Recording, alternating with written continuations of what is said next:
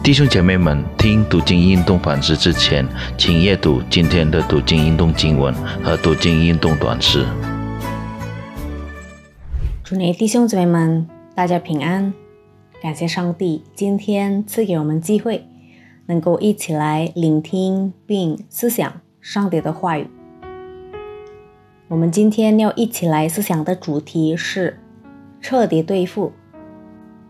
经文。取之民书记第三十一章。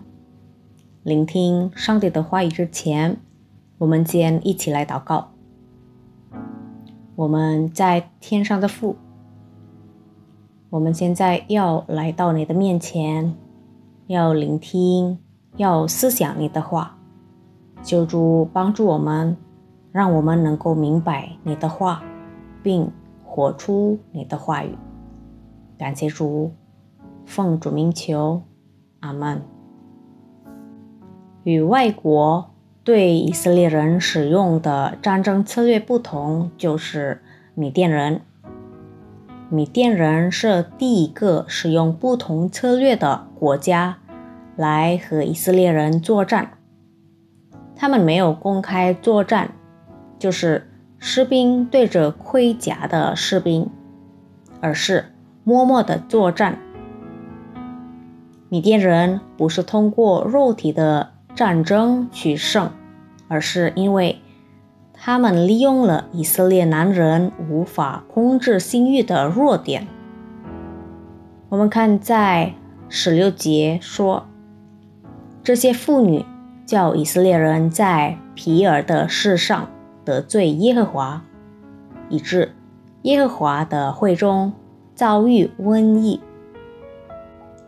这些米甸妇女成为矛头，摧毁了以色列人的主要力量来源，即重于敬拜上帝。因此，即使这些妇女看起来无害，摩西还是下令杀死所有已嫁的米甸女子和男孩。在上述事件之前。上帝其实已经下令要毁灭米甸人。我们看在二十五章十六到十七节，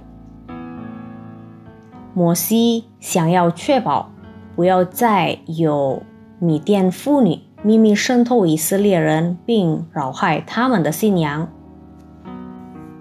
与男人发生过性关系的米甸女人。已经被外来神灵的不解感染了。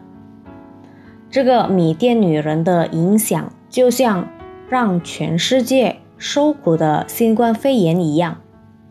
由于一个人在国外被感染新冠肺炎，导致他回国内的时候，一个国家也被感染了。我们可以说，有小事引发大事。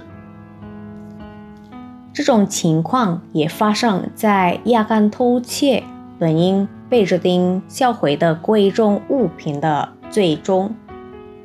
由于亚干的贪欲，以色列全民族都要承受上帝的震怒。我们要记住，不要小看罪恶。我们生命中的任何罪恶。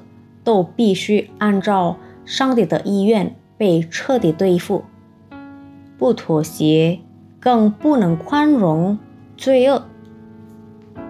以色列人进入应许之地的时候，他们对罪的漠不关心，最终摧毁了他们。他们被征服，甚至被殖民，不是因为他们的敌人越来越强大。而是因为耶和华的圣洁被他子民的罪玷污了，所以耶和华根据他的话离开了他们。我们可以效法摩西的榜样，他迅速而彻底对付罪恶。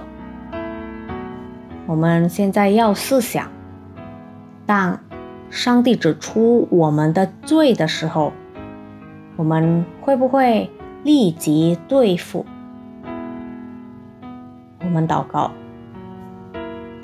主耶稣，谢谢你今天再次提醒我们，并教导我们，不能宽容罪恶，因为在你面前没有小罪，也没有大罪，罪就是罪。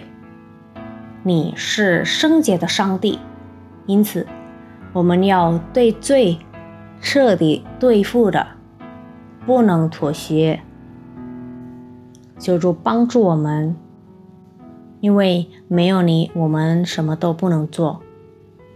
感谢主，我们祷告是奉靠主耶稣的生命祈求，阿门。